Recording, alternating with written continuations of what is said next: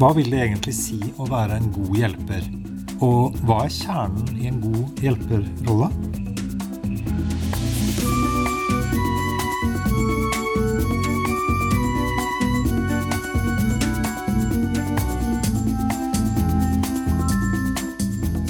Hei og velkommen til eh, Kjernepodden.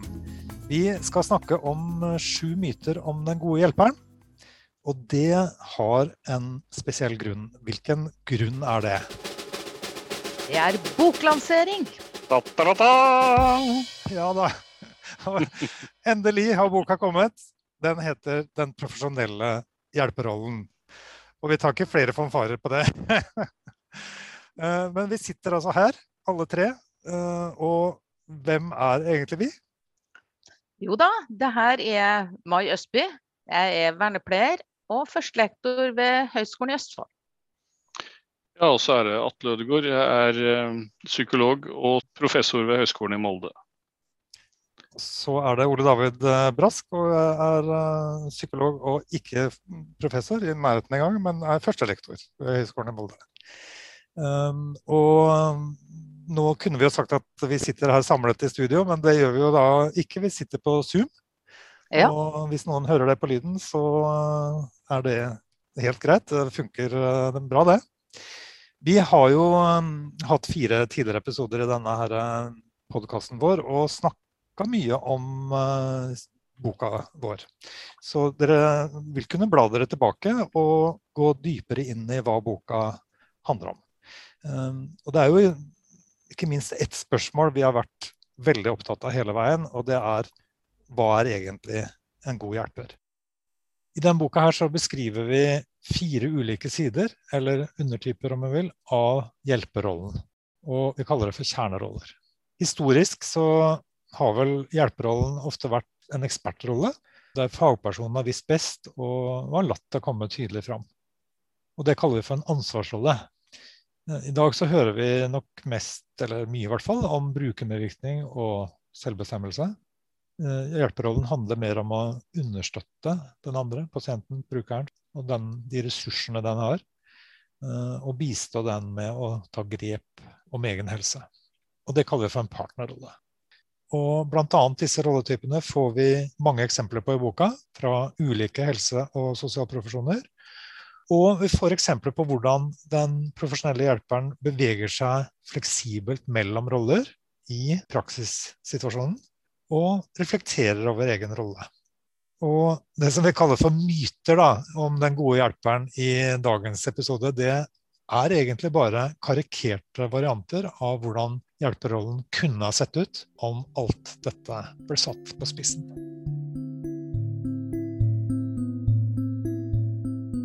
Vi kaller det her for en refleksjonshåndbok, og sier at den er skrevet for studenter og utøvere innen helse- og sosialfag. Og nå er det jo sånn at Vi eh, har jo ikke sjøl hele denne bredden av kompetanse, eh, mildt sagt. Så eh, underveis har vi samarbeida med mange flinke fagfolk. Og hva kan vi si om det? Ja, siden vi sjøl er smal profesjonsmessig, så gikk vi da til de profesjonene som vi, som vi omtaler i boka. Det er altså barnevernspedagog, sosionom, vernepleier, sykepleier, ergoterapeut og fysioterapeut. Eh, Og vi gikk da til praksisfeltet for å hente inn personer som kunne si noe om sin egen praksis i forhold til her ulike rollene. Og som vi da har eh, analysert og prøvd å fortolke innenfor den modellen som vi har laga. Men vi har ikke tenkt at det var tilstrekkelig, så vi gikk videre også til en, eh, en fagfelle, eller, et fagpanel, kan vi vel si. Mm. Hvor vi kontakta de, de, de med samme profesjonsutdanning. Men som var ansatt i høyskole og universitet. Og målet der var jo å få dem til å, å eh, ta et litt mer sånn eh, fagfelleaktig blikk på eh, innholdet i boka, selvfølgelig. Og om det er passer i forhold til profesjonene som vi sjøl da ikke innehar. Så vi har hatt veldig Ja. god hjelp. Ja, så tenker jeg, Vi har jo snakker jo om den gode hjelperen her, men vi har jo også vært opptatt av hva som er den gode profesjonelle hjelperen. Og Det er jo noe vi bruker en del tid på i boka. og Derfor har det vært veldig viktig å ha med Både de som jobber i praksisfeltet, men også de som utdanner disse ulike profesjonene som skal ut og møte praksis, og som skal være og bli gode profesjonelle hjelpere. da. For Det er jo et viktig poeng for oss at vi har prøvd å lage en modell som er veldig praksisnær. Det kommer vi helt sikkert mer tilbake til gjennom det vi skal snakke om i denne episoden også. Det gjør vi absolutt. Og nå er det klart for sju myter om den gode hjelperen.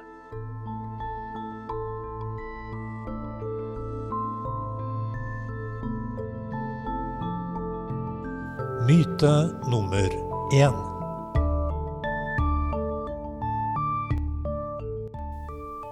Brukermedvirkning det er noe som lett blir til både ansvarsfraskrivelse og omsorgssvikt.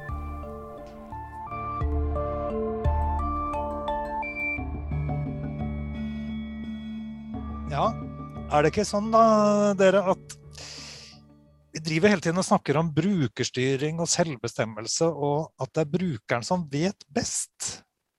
Eh, hva slags rolle får hjelperen? Blir ikke den veldig uklar og, og passiv? Altså man skal hele tiden være støttende, aksepterende og anerkjennende nesten uansett hva det er denne brukeren foretar seg. Er det ikke fare for at det blir en sånn ansvarsløshet som, som ikke passer med den plikten som man har til å hjelpe? Ja, egentlig så peker du på det du sier, eh, muligheten for å gå i to ulike grøfter. At man på den ene sida bare gir seg helt over og sier den andre bestemmer sjøl, og den andre grøfta så går man inn og skal styre, da. Så jeg syns jo ikke det at man kan trekke den eh, linja at brukermedvirkning eh, er å være ansvarsløs og, og omsorgssvikt. Det handler jo om å vise respekt for brukerens egne opplevelser av behov. Altså det handler om hva er den andres verdier i livet.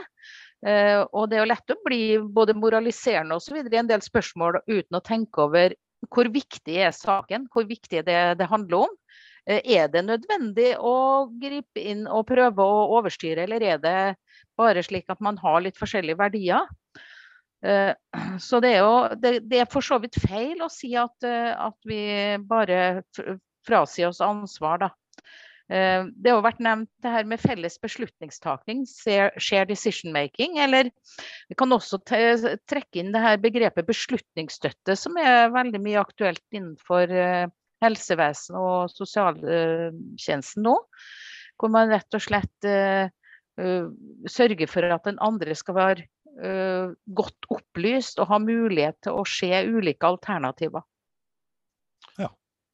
ja, jeg tenker rundt den myten der at uh, det handler jo egentlig veldig mye om likeverdighet, dette her. Altså sånn Hvis man skal være, ta brukermedvirkning på alvor, så, så, handler det jo om et samspill mellom den som er hjelper og, og brukeren. Uh, og det utfordrer jo selvfølgelig den, den rollen som hjelper oppi dette.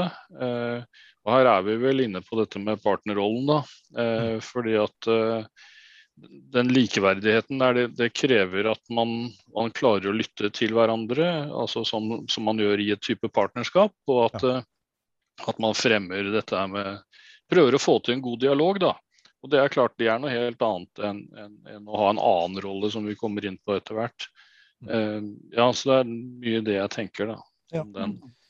Du nevnte partnerrollen, og det, den er vi absolutt inne på. Det, det er jo den rollen hvor hjelperen arbeider individrettet og på en samhandlende måte. Da.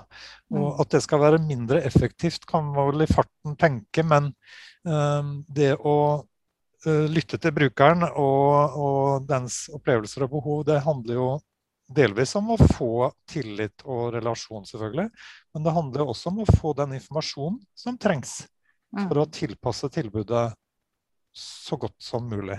Så at mm. man kan faktisk, ikke bare kan, men man vil treffe bedre med, med tilbudet. Da.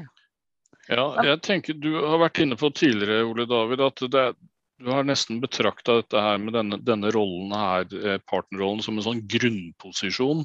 Ja. Det er liksom et sånn hovedutgangspunkt. liksom. Tenker du at er, er, det den beste rollen å være i? Mm. Eh, nesten alltid så trenger man en eller annen type trygghet, tillit, for å komme noen vei. Og det er noe av grunnen til at partnerrollen er en slags sånn førsteposisjon. Fordi om mulig at man starter der. Det har jo vært litt snakka om det her med i forhold til selvbestemmelse. Da, at man har vært så opptatt av eh, produktet av selvbestemmelse. Altså at man ender opp med å få det slik man vil. Men det er jo noe med en prosess òg her, en opplevelse av å få være med og bestemme, og at det ikke går eh, stikk imot egne verdier og ønsker. Og det er, jo, det, er jo ikke verre enn å tenke hva man sjøl ville ha likt, og hva man sjøl ville ha tenkt i situasjoner. Eh, sånn at eh, hvis du er på sykehus f.eks., sjøl om det kanskje blir et spesielt eksempel, da, så, så så vil du jo gjerne være med og få vite hva er det som skjer, og hva er alternativene for at jeg skal få hjelp. Uh, Istedenfor at noen kommer og sier at du skal gjøre slik og sånn. Da vet vi det at vi, vi gjerne vil stritte imot i dagens samfunn hvor vi er ganske opplyst alle sammen. Uh, og det gjelder, det gjelder også uh, ikke bare oss som sitter her og har skrevet den boka, det gjelder jo selvfølgelig også brukere og pasienter, for å bruke et sånn fellesbegrep, da, som er veldig mye mer opplyst folk googler og folk leser og, og snakker sammen osv. Så, videre. så Så det er noe med å, å kunne gi brukermedvirkning det rette, det rette lyset, syns jeg. da. Altså mm. At man skal ha en mulighet til å være med og påvirke og være med og diskutere de valgene som tas. Kan, og det kan man gjøre. Ja. Kan brukermedvirkning overdrives?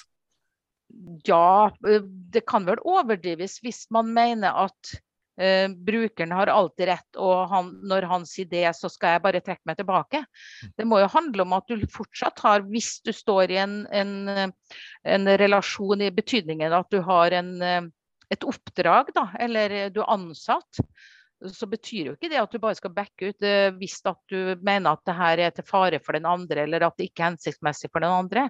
Mm. Du må, har jo fortsatt et ansvar for å opplyse uh, Overen og Linde snakker om inviterende praksis, altså vise til ulike alternativer og, uh, og, og være dialogisk med, i, i samhandlinga med den andre. Det kan vel være situasjoner hvor det kreves en fagkunnskap for å klare å løse et problem, gi den rette mm. behandlingen som brukeren ikke har. Mm. Og da kan det bli feil å delegere ansvaret for mye.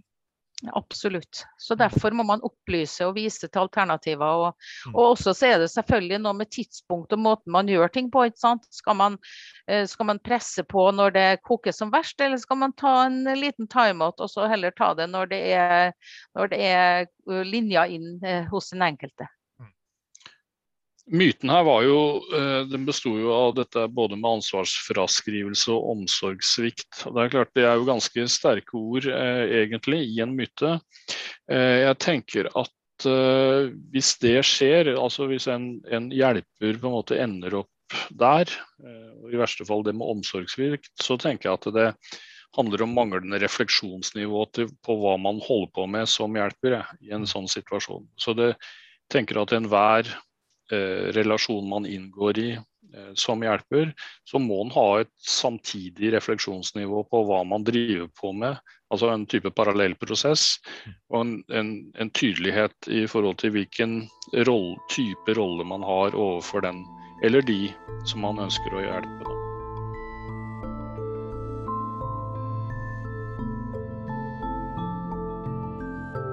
Myte nummer to Ekspertrollen har for lengst gått ut på dato.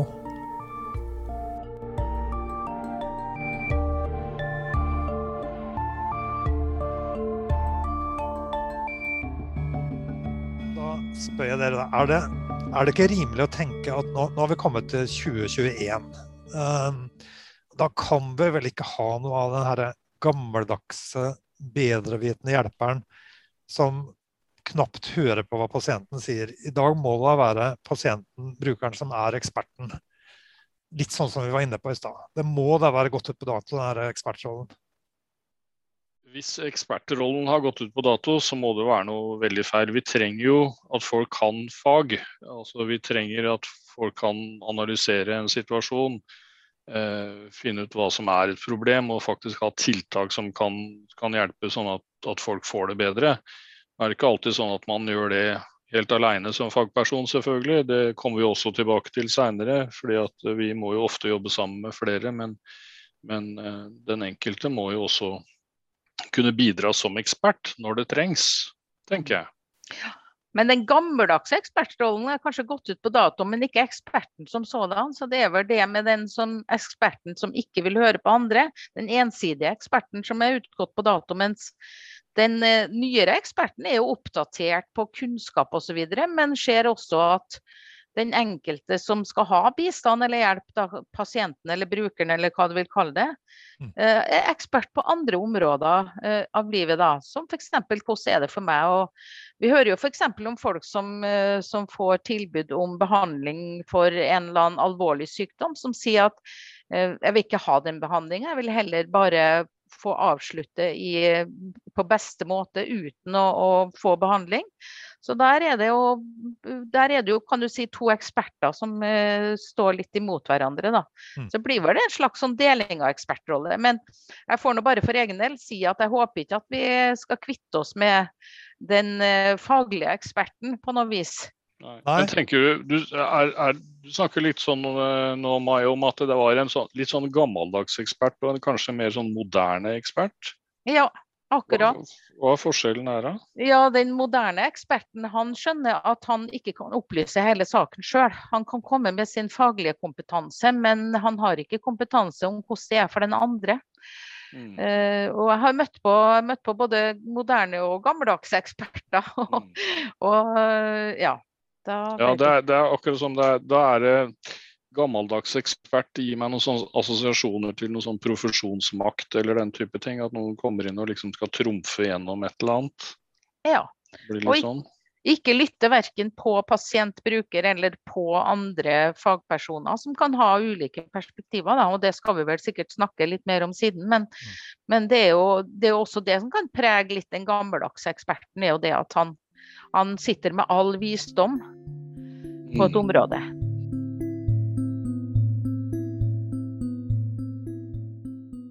Det har jo vært karikert litt det her med pasienten som ekspert også. Altså, se for seg en situasjon hos legen hvor pasienten kommer og sier 'Er det alvorlig, doktor?' Og så svarer da legen 'Ja, hva tror du selv, da?' Uh, og det er, det er, en sånn karikatur på, på den moderne legen som uh, ikke har lov til å ta ekspertrollen, men som gir hele, hele den rollen til pasienten. Da. Vi er jo her inne på det som vi kaller for ansvarsrollen.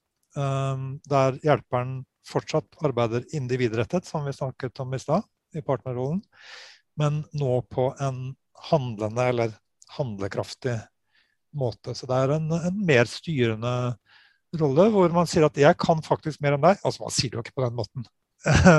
Men man tør å stå for det. At jeg har faktisk en fagutdanning og kan noe om den sykdom du lider av, eller det du sliter med i livet ditt. Mm. Um, og, men så, når man har turt å ta den rollen, så må man også klare å lytte til den andre. Da. Så det er noe mm. med den balansegangen. Ja. Mm. Det, det, handler jo mye om en måte å være ekspert på, det du mm. sier nå. Hvordan, hvordan forholder man seg til at man har mer fagkunnskap, men samtidig har en ydmykhet for at den andre har kunnskap om seg sjøl og sine reaksjoner og sine ønsker. Mm. Vi nevnte jo det med shared decision making, felles beslutningstaking. og og der er det jo faktisk eh, ganske vanlig å tenke at i en viss fase til å begynne med, så trenger eh, pasienten da f.eks. Eh, å få en del fagkunnskap og informasjon fra hjelperen. Mm. Eh, som et slags beslutningsgrunnlag. eh, skoleres til å bli i stand til å ta mest mulig beslutninger selv. Da. Og da kan vi se for oss at det hjelperen har litt ekspertrolle til å begynne med, men gir så den rollen tilbake, for å si det sånn, til, til pasienten eller brukeren når den har fått nok kunnskap. Mm.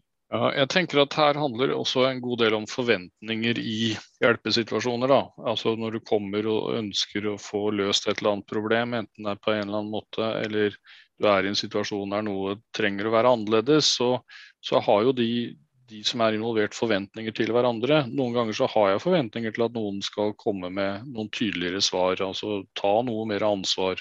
For det er, det er ting jeg ikke kan vite, og det er ting brukerne ikke kan vite. Fordi det ligger til fagansvaret. Mens andre ganger så vil det jo være et mer sånn type samspill. Der jeg er ekspert på mine egne greier, da.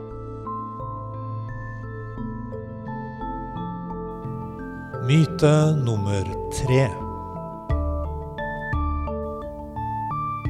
Samarbeid og teamarbeid er veldig oppskrytt, og ender egentlig bare opp i halvgode kompromissløsninger.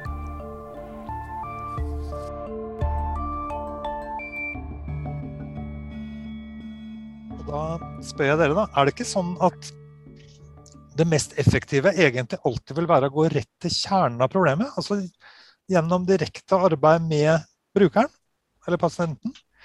Eh, tenker sånn at Med en gang en, en starter samarbeid rundt pasienten, eller altså i omgivelsene til pasienten, så, og, og, folk der, så vil det jo komme opp ulike meninger. Forskjellige parter forlanger å bli hørt. Og så går det en masse tid til å finne halvgode og mellom, mellomløsninger, da, for å si det sånn. Eh, hva tenker dere? Jeg vil vel si det at eh, det her med samarbeid det er vel heller undervurdert i eh, en del saker. da. Og hvis man tenker at man vil brukerens beste, så trenger man ulike perspektiv for å belyse saken.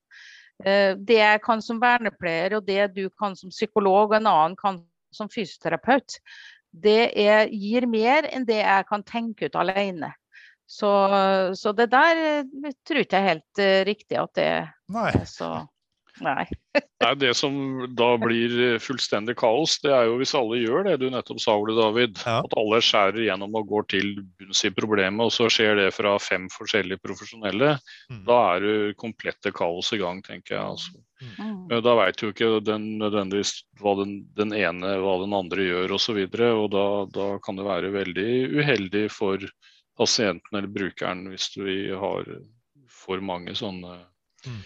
ja, autonome, eh, handlende, profesjonelle hjelpere.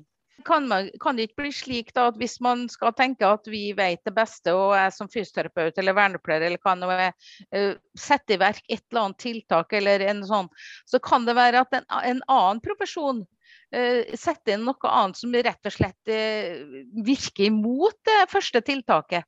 Sånn at det blir jo fullstendig kaos, som du sier. Mm. Ja, jeg tror det der kan skje rett som det er. Eh, det er derfor man trenger sånne koordinerende arenaer, da, for å si det sånn. Som f.eks. ansvarsgrupper, som er brukt mye for å få til gode samarbeid. Men hva er egentlig vitsen da med å ha inn så mange forskjellige stemmer? Det er jo fordi vi har forskjellig kunnskap og kompetanse. Eh, og et menneske er jo ikke altså La oss si at jeg har eh, trøbbel med ryggen.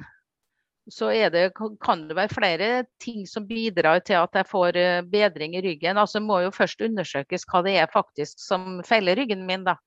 Og det kan jo være at jeg har gått med spenninger over lang tid og spent meg. Eh, da kan en fysioterapeut tenke at her skal vi kna en psykolog tenke at han skal snakke med meg, mens en lege vil kanskje si at her må vi kjøre en røntgen, fordi kanskje det faktisk er, slik at du begynner å bli så gammel nå at du har fått en, sånn, eh, en liten prolaps, eh, at det er noe slitasje i ryggvirvlene dine. Sånn så for å kunne skjønne hele mai, altså? Ja, rett og slett. Ja. Det vi er inne på nå, det er jo brobyggerrollen, eh, som vi kaller det i boka. Og der er hjelperen eh, arbeidet systemrettet, altså retter innsatsen mot eh, relasjoner, mennesker rundt pasienten og brukeren. Eh, og gjør det på en samhandlende måte. Prega av dialog og gjensidighet og, og sånn, da. Og da skjønner vi altså at det kan uh, gi et mer komplett bilde, og kanskje gi nye tanker, nye nye ideer til, eh, til løsninger. Da.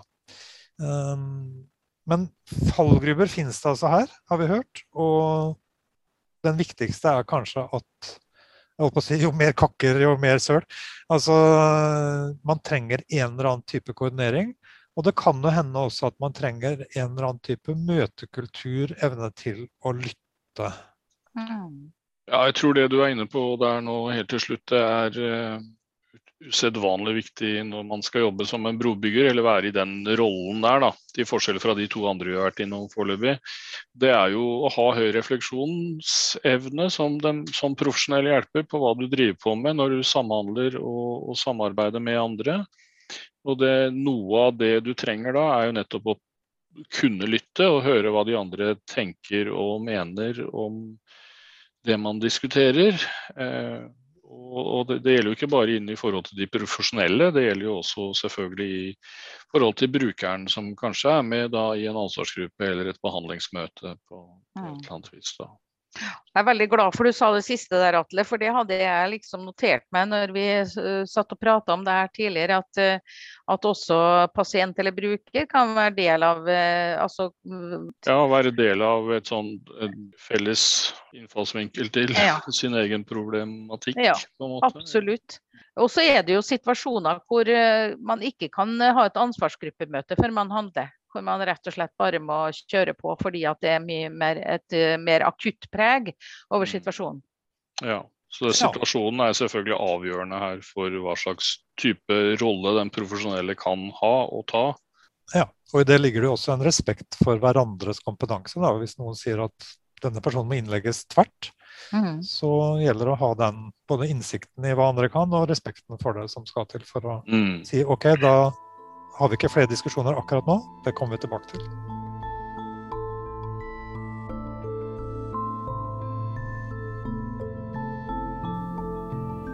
Myte nummer fire.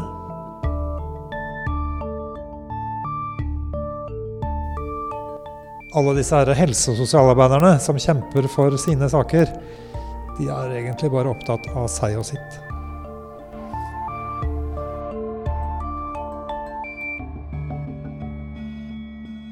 Er det ikke sånn da at det hele tiden er masse støy i media rundt uh, varslere og rettighetsforkjempere og andre som slåss for fanesakene sine? Uh, det blir nå veldig fort mye sånn kravmentalitet, og uh, ikke minst så, så, kan man jo begynne å tenke at de hjelperne her de er, de er mest ute etter oppmerksomhet og, og tid i rampelyset det må da gå an å ta opp saker på en, en anstendig måte, og, og, ellers holde fred, holdt jeg på å si. Hva tenker dere? Ja, men uh, Tror du ikke at uh, dem som er varslere og som, er, som er, går på barrikadene, først har prøvd ulike måter som her du nevner som anstendige måter. Da. Eh, det, må jo også skilles om eh, hvem er det man eh, går på, barrikadene og er pådriver for. Er, man, er, det for svakere grupper f.eks.? Som, hvor man har prøvd ting i flere runder. Ta de f.eks. de sakene som var i fjor eller forfjor. Tida går fort når man sitter på hjemmekontor. Mm. hvor folk var fikk verge sjøl og ble definert som utviklingshemma i en kommune. Og fikk verge og ikke hadde noe slags styringsrett over egen økonomi uten å ha fått uttalekraft. Den saken kom jo opp fordi det var noen som hadde prøvd å tatt det opp på en rolig og fin måte internt, og så skjer ingenting. Og så må man rett og slett ta frem stortromma og si at det her går bare ikke an. Mm. Man må ut i offentligheten for å faktisk få noe sving på saken. Mm. Uh, sånn at uh, det tror jeg Jeg tror ikke det er folk som er egentlig så veldig opptatt av uh, seg sjøl og sitt og komme i media. Men det høres jo masete ut når folk er rettighetsforkjempere. Ja, det kan det gjøre. Er... Men kanskje må man mase for å oppnå noe? Ja. ja. Mm. Er jo inne på, på det, det, som vi kaller for pådriverrollen da, i boka, hvor uh, hjelperen uh, også her arbeider systemrettet, altså mot omgivelsene, kanskje til og med hele samfunnet. Men, uh, men denne gangen altså på en handlende, handlekraftig måte, en mer styrende måte. Og da sier man jo faktisk at jeg har rett. Jeg står for noe som har en verdi for f.eks. en gruppe mennesker som er så viktig at nå må samfunnet lytte. Mm. mm. Et motstykke til det her ligger jo i, i det med å, å, å, tenke over hvordan kan, hvordan kan utspillet hvilke konsekvenser kan utspillet gi. da. Jeg syns det er litt sånn morsomt. Vi sitter jo tross alt i, i koronatid. da, og Det har jo vært mye eh, snakk om konspirasjonsteorier osv., selv om det da er egentlig litt utenfor den profesjonelle hjelperollen. Men likevel syns jeg det er et interessant et eh, innlegg jeg leste i dag i Aftenposten på Ubiten, skrevet av Marit Simonsen, som snakker om at den meste, beste måten å overbevise noen på er å holde kjeft selv. Sant? Og la den andre for å reflektere over. Men jeg tenker at når man kommer til saker som er åpenbart urimelige og har prøvd alle de her interne og uh, anstendige måtene, så kommer tida for å, å snakke høyt. Mm. Mm. Men noe av det som forener disse ulike rollene som vi snakker om nå, det er jo kanskje det vi kan kalle gode intensjoner. da. Altså, Vi ønsker jo å ha den rette rollen fordi at vi skal kunne hjelpe best mulig den som trenger hjelp. Mm. Og hvis det i noen tilfeller er sånn at man har prøvd mye annet, så må man kanskje gå sånn som du sier, slå på stortromma, Mai, eller kanskje med litt mer finurlige innfallsvinkler, det å lytte seg gjennom noe for å på den måte kunne påvirke. Jeg vet ikke om jeg skjønte akkurat den helt, men men uansett da, at man får, ha, får, en annen innfallsvinkel for, for, å på en måte kunne bidra på en positiv måte for de som trenger det. Mm.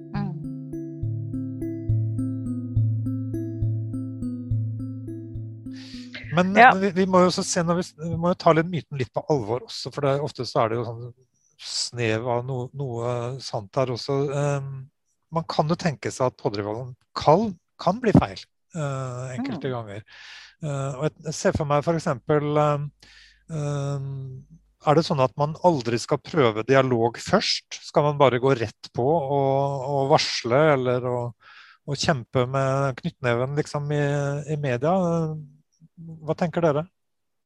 Nei, Man må jo prøve dialog først. og, og Hvis du f.eks. har et ansettelsesforhold, et sted så har du jo en, en, plikt til å gå tjenestevei og prøve det først. Det, det skal man ikke glemme. Mm. Så i, Særlig i varslersaker så har det jo gjerne vært en prosess i forkant hvor folk har gått tjenestevei og prøvd å få tatt opp saken og kanskje ikke fått verk, e, e, enten ikke fått medhold, eller, ikke, eller kanskje har fått en oppsigelse eller blitt fryst ut eller andre ting. Mm. Eh, så det kan jo være et eksempel på at det dialogiske har forfeila. Og det var jo det jeg mente med det her med å overbevise noen om å holde kjeft selv. Det er jo at man, at man kanskje bruker dialogiske metoder for å, for å, få frem refleksjon hos den andre. Men så når det forfeiler, da, så eh, og man har en sterk nok sak og en viktig nok sak, så må man kanskje bare kjøre på. Ja, men nå, ja, jeg følger deg i stor grad på det, Mai. Eh, men jeg tenker også at eh, pådriver kan jo være på forskjellige måter. Altså det, du må jo ikke på en måte gå helt ut. Eh, det handler jo om, som Ole David sa her i stad, at man jobber, jobber handlende på et sånt systemnivå. Og det kan man jo gjøre i organisasjonen også mer sånn type internt, eller man kan ja, gjøre det på andre måter. Kanskje skrive type kronikk, altså forholde seg til andre. Absolutt.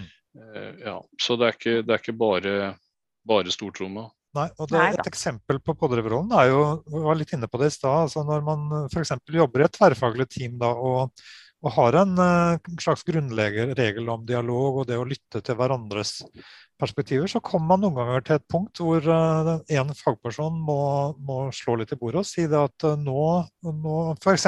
haster det med en innleggelse, eller, eller sånn som vi var inne på da. Uh, og da går man faktisk fra en brobyggerrolle til en pådriverrolle og sier akkurat nå så er det ikke tid for diskusjon, nå er det tid for handling.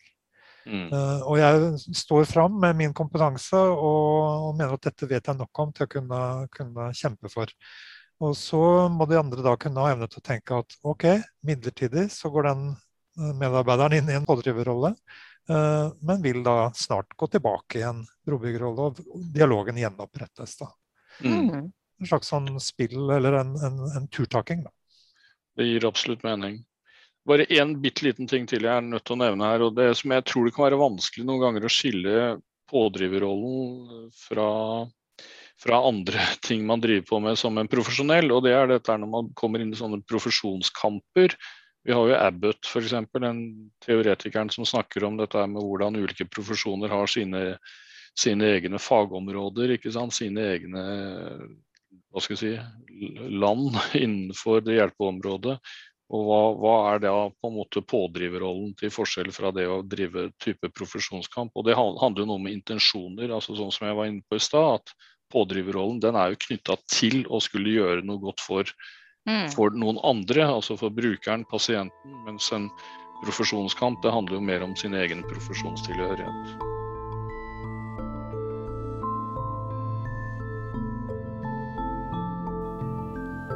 Myte nummer fem.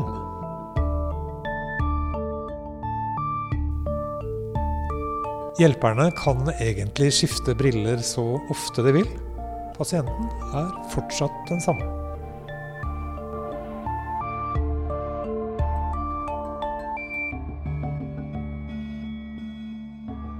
Har vi kommet dit at det ikke er noen, noen ting som står fast lenger? Altså det er en sånn forventning om at hjelperne skal ha en masse forskjellige perspektiver. og og, og, hvordan går det egentlig med det som i gamle dager ble kalt for normer og verdier? og uh, Er det alt ute og sklir her? Skal vi, skal vi, hele tiden bytte briller eller se ting fra ulike synsvinkler? og ja, Det må da gå en grense et eller annet sted for hvor mange briller hjelperne kan, kan skifte mellom. Uh, jeg tenker sånn at armbruddet eller angsten eller demensen eller hva det er, den forsvinner da ikke om man skifter briller. Personen er jo den samme, tenker jeg. Men, altså, men, men, hva personen på en måte har som type problem, og hva som på en måte vedkommende må ha hjelp til, det vil jo kunne forstås på veldig forskjellige måter mange ganger. Selvfølgelig ikke alltid. Nå er jo jeg psykolog, og stort sett er jeg det. Og da, det, er, somatiske ting f.eks. vil jo være tenker jeg, mer, ha mer objektivt uh, at man kan forstå det mer objektivt basert i forskning, da, for f.eks. Altså, det er jo det er masse der som er mer naturvitenskapelige perspektiver på. Mens, mens, når du kommer mer over mot det du, når du er inne på det med angst og andre typer plager som ja, som, da er det, det er jo ofte ting som kan forstås på ganske forskjellige måter. da, Avhengig av hva slags sånn ja, grunnlagstenkning man har omkring det? Er det noe som har med biolo biologi å gjøre, eller er det noen miljøfaktorer som har gjort dette her? Er det på en måte Har det vært mer dramatiske ting som vold, overgrep osv.? Det, det vet man jo ikke før man har undersøkt nærmere. Nei. Men selv om pasienten eller brukeren er den samme, da, så, så, vil jo det å se på ut fra ulike perspektiv gjøre at vi kan forstå personen bedre, og dermed ha tilfang, tilgang til enda flere måter å hjelpe og bistå personen. Eh, jeg synes det var interessant å, å, lese en artikkel som så på sammenhenger mellom hørselshemming og at man kan bli mistolka som, eh, som har demens, fordi man ikke følger med. Det er også sammenhenger mellom hørselshemming og depresjon. Fordi man rett og slett ikke får med, seg hva som skjer. Så hvis man da gikk og så bare på hørselshemminga, eller så bare på at personen virka som en begynte å bli, få en demen, utvikle en demens, eller man tenker at en person er deprimert, det gir jo helt an, det, altså det å opplyse saken fra de ulike perspektivene der gir jo helt annet tilfang av hva man kan gjøre, hvordan man kan hjelpe personen.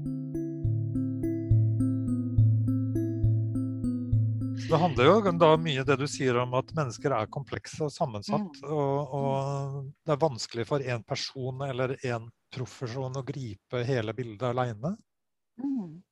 Ja, det er jo... nå er det mulig at dere misforstår meg litt, uh, følte jeg litt på nå. Altså, fordi at jeg, jeg er helt enig i at man kan ha ulike perspektiver inn på en person. Og jeg sa at det er en person er den samme, så mener jeg at det er jo det er jo en person med en type identitet her, og så er det jo på en måte de plagene eller vanskene vedkommende har, som kan forstås på andre måter. Et eksempel her er nå istedenfor å si den demente, som blir en sånn ganske stigmatiserende perspektiv, så, man, så, vil det være mye riktigere å si person med demens. ikke sant? Mm. Så det er, det er, litt det jeg var inne på her nå, når jeg mente at mm. eh, personen er den samme. Mm. Eh, jeg kan egentlig skjønne folk som lurer litt på det der Vi kaller jo dette her for perspektiv, at hjelperollen forandres når man endrer perspektiv. Uh, man kan velge et kunnskapssyn eller et menneskesyn, og så forandrer det hjelperollen. Man kan velge å legge vekt på ulike sider, uh, som vi var inne på. da. kan skjønne at, at folk kan synes at blir, altså verden blir veldig flytende. altså Det må nå, gå, gå, an å skjønne at, at en, en, plage eller en lidelse er som den er, og ikke drive også måtte hele tiden ha masse forskjellige perspektiver. Man kunne komme til saken og komme fra ord til handling, liksom. Um, så, så, men du, er, du, var litt inne på at det varierer hvor diskutable uh, temaer er. sånn at hvis det er et armbrudd f.eks., så er det kanskje ikke nødvendig med veldig mye tverrprofesjonalitet og veldig mye diskusjon og refleksjon rundt det. Uh, hvis det nå ikke er en, et barn som f.eks. har en tendens til å skade seg mye, og man trenger å se på sitt, livssituasjonen rundt det for å klare å hjelpe. Da. Mm. Det, det, vil vel rett og slett variere hvor, uh, hvor, stort behov det er og hvor meningsfylt det er å si nå trenger vi flere briller, flere perspektiver inn her. Mm. Ja, helt enig. Jeg er helt enig. Vi har jo en del begreper ute og går i denne, innenfor dette her som har med samarbeid å gjøre også. Man snakker jo om flerfaglig og fellesfaglig og tverrfaglig og tverrprofesjonelt osv. Det går jo en del langs den dimensjonen du sier der, Ole David. Mm. Noen ganger så trenger man noe som, som kan ordne akkurat det helt konkrete armbruddet, hvis det er det det er snakk om. Men, mm. men, så kan situasjonen da være mer kompleks, som du er inne på. med at hvis det er barn som, opp, og, som, som kommer med, med gjentagende skader, mm. så er det selvfølgelig kanskje grunn til bekymring og begynne å tenke hva er dette her handler om. Da, da blir det jo noe annet.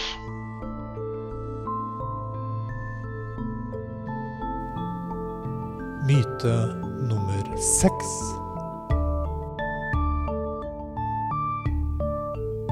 Noen hjelpere kan bare ikke lytte.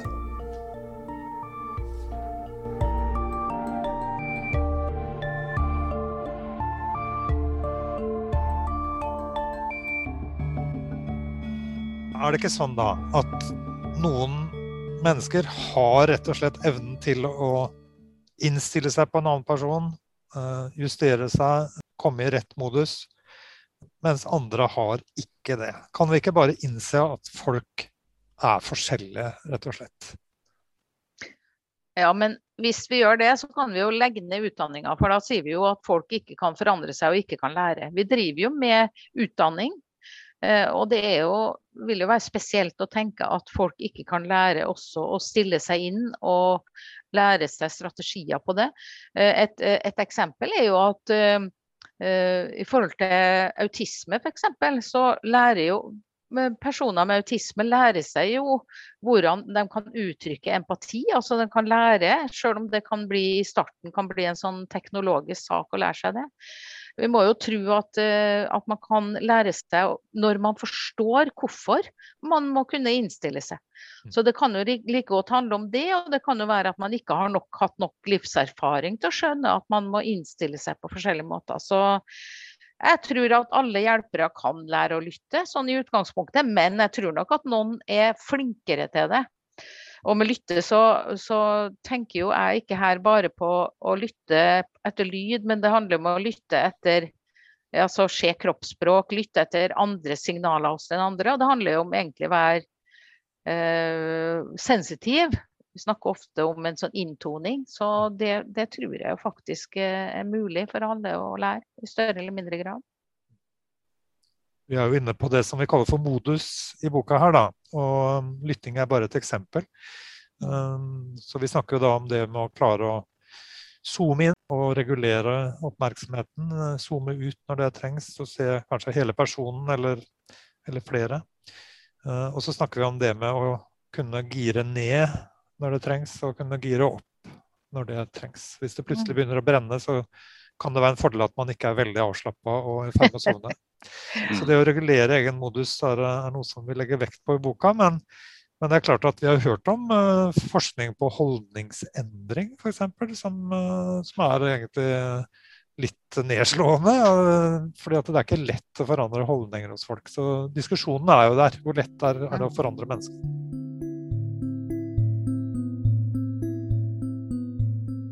Du snakker jo nå en del om dette her med evnen til å være fleksibel også som profesjonell hjelper. da, Avhengig av situasjonen og hva den faktisk krever. Altså sånn Om du skal være ja, slitt uttrykk kanskje, men liksom sånn framoverlent, være til stede, være aktiv, eller det å lene deg mer tilbake for å ta inn et større bilde på en måte av, av hva som foregår. Så en ting jeg har tenkt på, det er om vi bruker vi nok tid på dette her.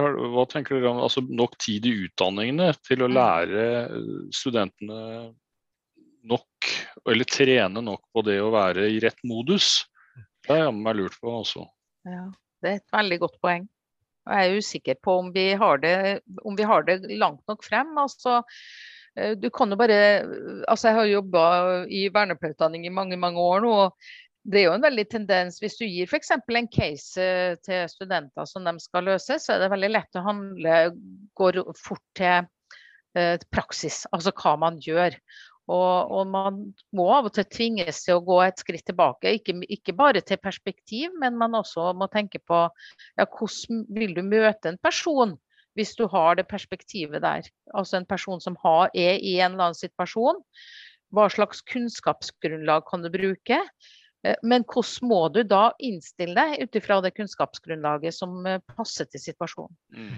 Så jeg tror du har helt rett i at eh, det bør i hvert fall være, et, være oppmerksomhet på det i utdanningene. Ja, ikke minst praksisperiodene blir det veldig viktig å følge opp det temaet her. Og mm. ferdighetstrening med rollespill.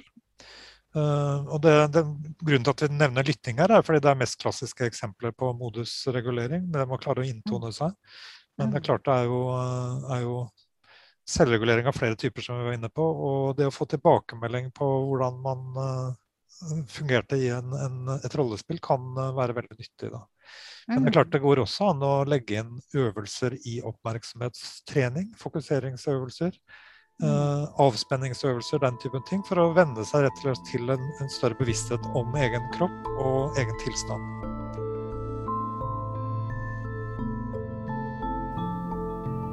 Myte nummer sju.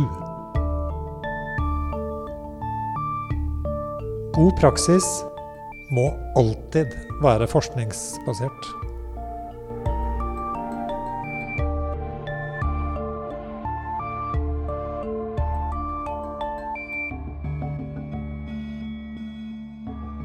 Er det ikke sånn da, dere, at det, å, at det nå nærmest har blitt et frislipp på helsemarkedet av f.eks. alternative behandlingstilbud? Og det virker som at omtrent gud og hvermann kan kalle seg for terapeut. Litt flåsete sagt, om 1000 euroterapeuter er enige om at euroterapi virker, så er det liksom greit. Nei, det går da ikke an å kalle det for god praksis uten at det er forskningsbasert og at det er bevist at det er effektivt. Veldig stort spørsmål, egentlig. Eh, når det gjelder det med euroterapi, så er jeg langt på vei enig. Det, det, jeg skjønner ikke så veldig mye av akkurat den delen av uh, verden, det må jeg innrømme.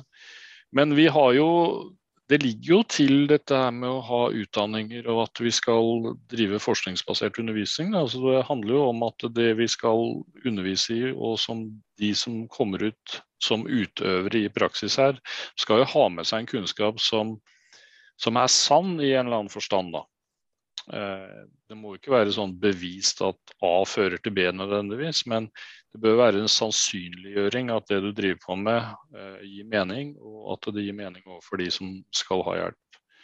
Eh, nå er det jo ikke sånn at forskningsmetoder og forskningsmetodikk alene på en måte kan bidra til det, for vi har jo dette med erfaringskunnskap også som må på en eller annen måte integreres i, i forskningen også når, når, den skal tas i bruk. Da. Og da er vi jo inne på det for det som vi snakka om nå nettopp, dette med modus. Det er klart at uh, det hjelper ikke å bare ha med seg en forskningsartikkel under armen og så møte en person. Du må jo vite hvordan du skal møte vedkommende osv. Vi snakker jo gjerne mye om kunnskapsbasert praksis, og du nevnte jo det her med erfaringskunnskapen. Og, og det er jo også den brukerkunnskapen. Så det er jo en sum her da, som, som eh, skal virke sammen. Men eh, jeg må jo si jeg blir jo betenkt dersom man skal tenke at Eh, at man skal bruke en praksis som man eh, det, det, kan være en praksis som forskning visst rett og slett kan være direkte skadelig. Sånn at man må jo være som fagperson, eh, som profesjonell, som, som den boka her handler om, så må man jo ha en plikt til å holde seg oppdatert på forskninga. Både, ikke bare hva som er effektivt, men hva som ikke er effektivt, eller hva som er skadelig. Så, så vi, vi, kan ikke, selv om vi tenker at vi skal ha både brukerkompetanse og erfaringskompetansen med, så kan vi ikke gå i den fallgruppen at vi sier at anything goes, som uh, man kan gjøre. Og, uh, det er jo derfor vi også stresser det her med at Eh, man kan ikke gå rett til praksis, man må også tenke perspektiv. Og det er jo der man henter ut forskningene, verdiene osv. Lovverk også. Ja. Mm. Det begrepet praksis det handler jo da i, i, boka om det som hjelperen faktisk gjør, utfører, og, og vi er veldig inne på bakgrunnen for praksisen. Og, og bare understreker veldig det du sier der, Maja, at uh, kombinasjonen, eller bakgrunnen, den finner vi jo veldig mye i, i, perspektivvalget, som vi har snakket om, men også faktisk i modusreguleringen. Fordi man kan eh, tilsynelatende, da, bare for å ta lytteeksempelet igjen, tilsynelatende sitte og lytte og gjøre altså Praksisen er sånn som den skal være når man lytter, men man er ikke til stede i hodet sitt. Man klarer ikke å komme i lyttemodus. Så både perspektiv og modus uh, betyr veldig mye for praksis. og på en måte så er det vel en Vi ønsker å advare litt mot perspektivløs praksis. Altså at god praksis Man må ha en bevissthet om hvorfor man gjør ting. Det er hele poenget med å ta en, en fagutdanning, en, en, profesjonsutdanning. Går det an å tenke, da? Ja, og så har vi jo hele denne boka den, Vi kaller det jo en refleksjonsmodell. Eh, det vi presenterer i, i, den profesjonelle hjelperrollen. Og det handler jo da i, i, bunn og grunn om at man må hele tiden være bevisst. Eh, prøve å reflektere godt over hva man driver på med inn i de ulike situasjonene man, man er i. Og da må man også selvfølgelig være forankra inn mot det kunnskapsgrunnlaget som gjelder. Eh, og, og, utøve det i den rette modus, som du er inne på, David.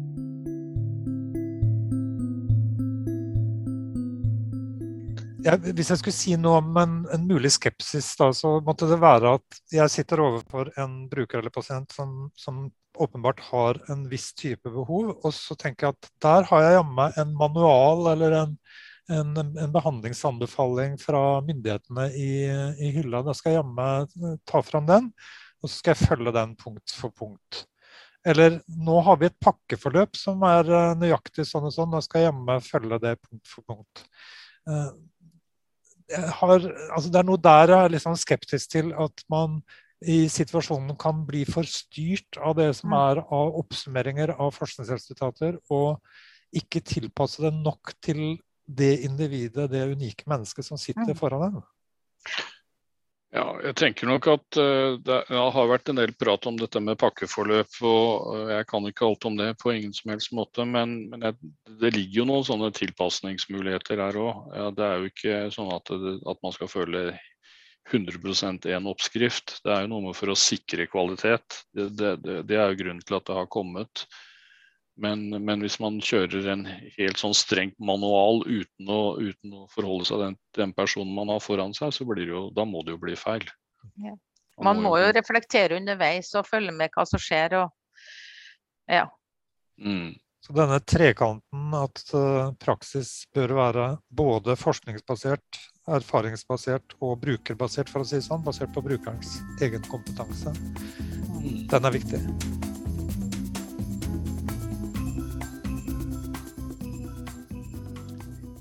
Ja. Jeg tenker kanskje at vi har kommet igjennom de sju mytene. Mm. Og så mm. kan det jo hende at uh, lytterne fikk noen tanker sjøl. Og kanskje de har noen andre synspunkter enn oss også. Men uh, vi håper jo da at diskusjonene kan fortsette, vi. Det gjør vi. Ja, det er sant. Um, kanskje fikk vi noen nye tanker òg? ja, ikke minst. Ikke minst. Jeg vet ikke om Er det noe mer dere ville ha sagt om den nye boka? Det her er jo en lanseringspodkast. Ja, jeg, jeg, håper denne boka her kan være med på å eh, knytte det å være den profesjonelle hjelper tett på brukere, pasienter. altså sånn At, kommer, at den bidrar til å kunne fungere godt i praksis.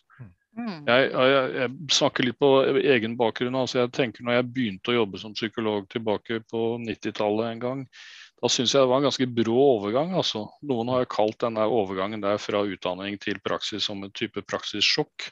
Mm. Og jeg, jeg syns jeg hadde tendenser til det den gangen. Eh, sov litt dårlig og tenkte på fryktelig mye eh, hele tida om hvordan jeg skulle forholde meg liksom, i rollen som psykolog. Og da, da tror jeg og håper at denne boka her kan bidra til en sånn ja, rett og slett en sånn en måte å forholde seg til i praksis. Da. Mm. Og jeg, jeg, tenker, jeg er veldig opptatt av her, at det er en refleksjonsmodell og en refleksjonshåndbok. Jeg syns det er veldig spennende. og jeg er sikker på at Hvis en eh, barnevernpedagog eller en fysioterapeut leser de eksemplene som står om deres profesjon, og også lese for analyse, så vil de tenke at ja, men her har de ikke tenkt på det, og her har de ikke sett på det, og her burde de ha tatt opp den teorien, her burde de tratt inn den artikkelen der. Og da tenker jeg så flott. Eh, fordi at det er bare et utvalg vi har kunnet komme med her, og, og vi innehar ikke alle profesjonene, og vi har ikke alle opplysningene. Så det, da har allerede eksemplene og analysen vår fått ting til å skje. Så jeg uh, uh, virkelig håper at modellen kan brukes i, i et refleksjonsarbeid. Mm. Det syns jeg er veldig fint uh, du sier. Og vi sitter ikke på vår høye hest og mener så veldig mye på vegne av andre profesjoner, men forsøker også å inspirere til refleksjon. Da. Mm. Det, jeg har lyst til å føye til på det at vi tenker jo heller ikke at vår refleksjonsmodell er sann. altså at Det handler om å bevise, bevise hvor fantastisk den er. Men vår, vårt ønske og håp er at den skal inspirere til refleksjon. Da. Mm. Og skulle vi oppnå noe på det, så er vi veldig glad, tenker jeg. Da tror jeg rett og slett at jeg sier tusen takk for praten. Ja, takk for praten. Takk det samme.